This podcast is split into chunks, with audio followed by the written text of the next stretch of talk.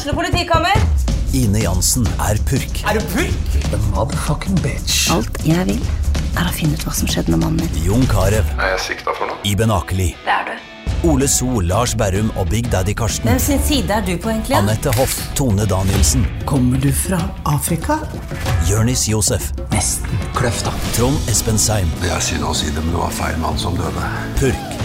Premiere tirsdag på TV2 Play. Hei, takk for at du lytter til Søvnløs. Skulle du ønske at du kunne høre en ny episode av denne podkasten hver eneste uke? Vel, da er det bare å laste ned podkastappen Untold med en gang. I tillegg til ukentlige episoder av podkaster som Skrekkpodden, Truecrimepodden og Henrettelsespodden får du masse annet reklamefritt og eksklusivt innhold. Last ned Untold i AppStore eller Google Play, og start din 30 dagers prøveperiode i dag.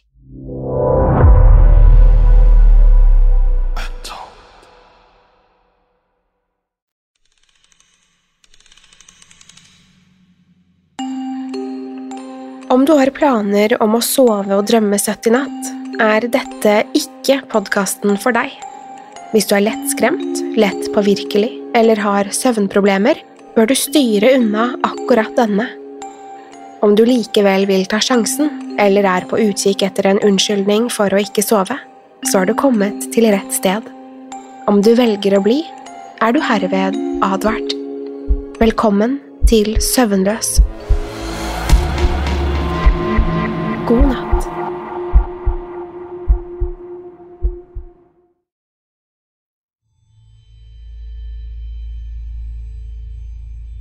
Jeg har alltid vært glad i å løpe. Likevel var det først på videregående at jeg virkelig fikk interesse for det. Foreldrene mine ville at jeg skulle melde meg på en idrett. Da jeg begynte på løpingen, var jeg sikker på at det kun ville vare noen måneder. Til min store overraskelse ble jeg hektet. Det var aldri konkurransedelen av det som interesserte meg. Jeg likte først og fremst å røre meg. I begynnelsen var det ganske tungt. Jeg hadde verken noen styrke eller utholdenhet å snakke om. Likevel, ettersom kroppen min forbedret seg, var det en fantastisk følelse. Det var frigjørende, samtidig som det ga meg en ny selvtillit. Innen jeg var ferdig på videregående, hadde det blitt en viktig del av livet mitt. Om det var én del av løpingen jeg kunne vært foruten, så var det uforutsigbart vær. Om våren og høsten er det ganske greit. Da er det ikke så vanskelig å kle seg riktig, enten med et ekstra lag eller en regnjakke. Vinteren er ofte litt verre. Da handler det mest om å ikke skli på isen eller snuble i en brøytekant. Du tror det kanskje ikke, men for meg er det sommeren som er verst. Jeg bor i en del av landet hvor somrene kan være forferdelig varme. Den høye temperaturen og tørre luften gjør at heteslag kan være ganske farlig. I sånt vær er man nødt til å planlegge løpeturene sine nøye. Det lureste er å gjøre det tidlig om morgenen eller sent på kvelden. Da er ikke temperaturen så ille. Et alternativ kan være å løpe innendørs på tredemølle, men det er ikke helt det samme.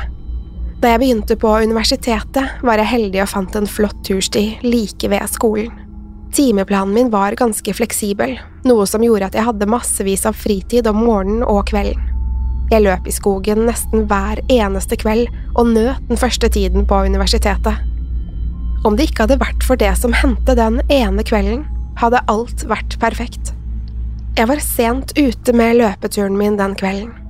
Etter den siste timen på skolen hadde jeg et møte med en av professorene mine som tok lengre tid enn forventet. Det nærmet seg solnedgang da jeg endelig var kommet til hybelen min og hadde skiftet til treningsklær. Jeg er ikke spesielt glad i å trene etter at det har blitt mørkt, men jeg valgte å ta sjansen. Planen min var å løpe ekstra fort den kvelden, slik at jeg var hjemme igjen før det ble helt mørkt. Det var likevel én ting jeg ikke hadde tatt med i vurderingen. I tette skoger, slik som den ved skolen min, blir det mørkt lenge før solen går ned.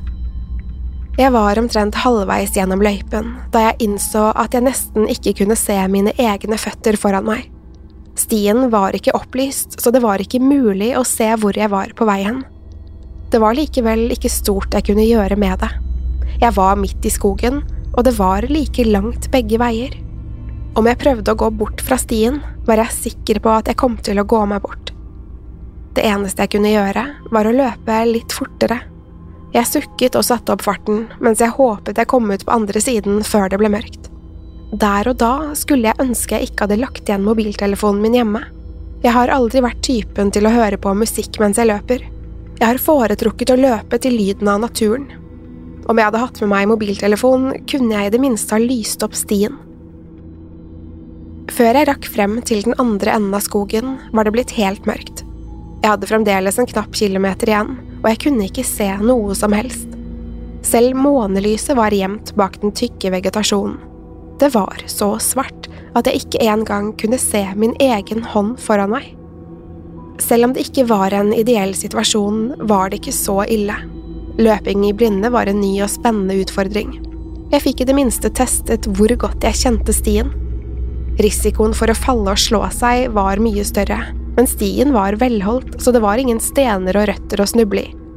Det hele føltes ganske trygt, helt til det plutselig ikke gjorde det lenger. Det hele begynte som en slags følelse, som om noe var galt. Jeg var sikker på at det kun var sansene mine som spilte meg et puss, Likevel klarte jeg ikke riste av meg følelsen. Uansett hva det var, føltes ikke dette som en spennende utfordring lenger. Plutselig begynte jeg å skjelve, men det var ikke fordi jeg var kald. Jeg begynte å tenke på den gangen jeg var fem år gammel og nesten besvimte av redsel i et spøkelseshus. Den samme følelsen av frykt som jeg hadde kjent den gangen, snek seg innpå meg. Redselen krøp oppover ryggraden min og festet seg i hjernen mens jeg løp gjennom mørket. Hjertet mitt hamret allerede etter treningsøkten, men nå slo det i et tempo jeg ikke hadde kjent siden før jeg begynte å løpe. Slagene pumpet adrenalin gjennom kroppen min og fikk meg til å sette opp farten. Likevel ante jeg ikke hva jeg var redd for. Det gjorde bare frykten enda verre. Hadde det ikke vært for at jeg var så årvåken, hadde jeg sannsynligvis aldri hørt grenen som knakk et sted bak meg. Det var egentlig en normal lyd i skogen, men nå gjorde den meg engstelig. Jeg prøvde å si til meg selv at det bare var et lite dyr i krattet. Likevel var jeg så angstfylt at ingenting roet meg ned. Enhver rasjonell tanke var som visket ut av hodet mitt. Jeg var sikker på at hva enn som hadde laget lyden, var ute etter meg. Plutselig kunne jeg høre en ny lyd som minnet urovekkende mye om føtter mot den våte skogbunnen. Tidligere hadde det kun vært lyden av mine joggesko mot bakken men nå var vi to. Det virket som hvem eller hva enn som løp bak meg, forsøkte å holde tritt med meg. Skrittene begynte å sette opp farten igjen, og nærmet seg. Panikken slo inn, og nå løp jeg alt bena mine maktet.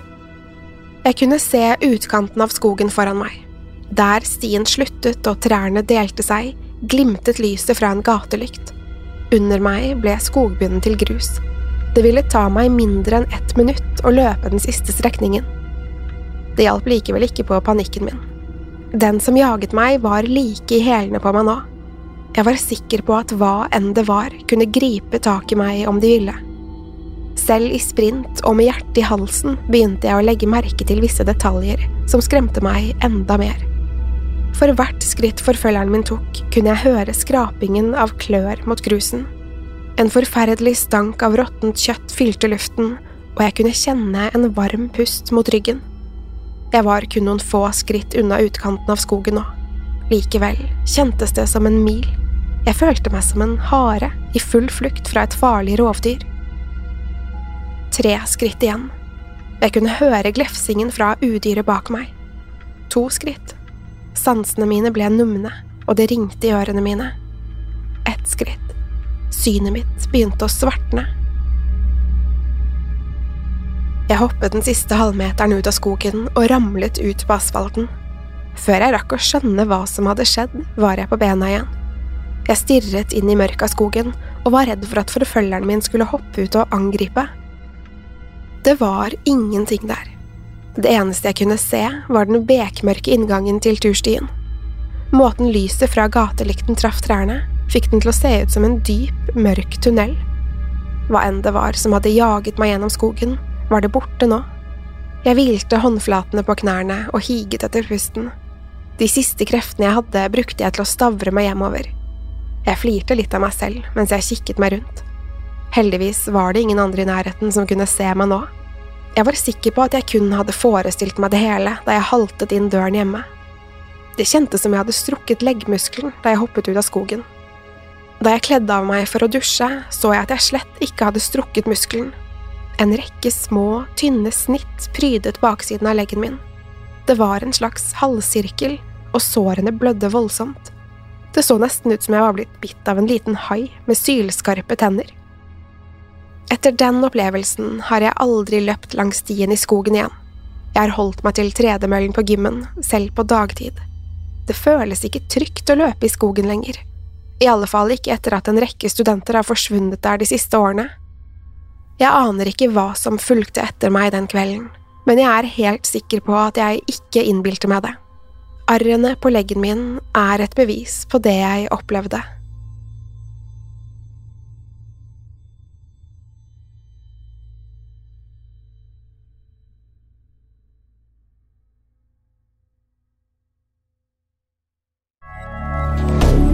Moderne media. Har du et enkeltpersonforetak eller en liten bedrift? Da er du sikkert lei av å høre meg snakke om hvor enkelt det er med kvitteringer og bilag i fiken, så vi eh, gir oss her, vi. Fordi vi liker enkelt. Fiken superenkelt regnskap.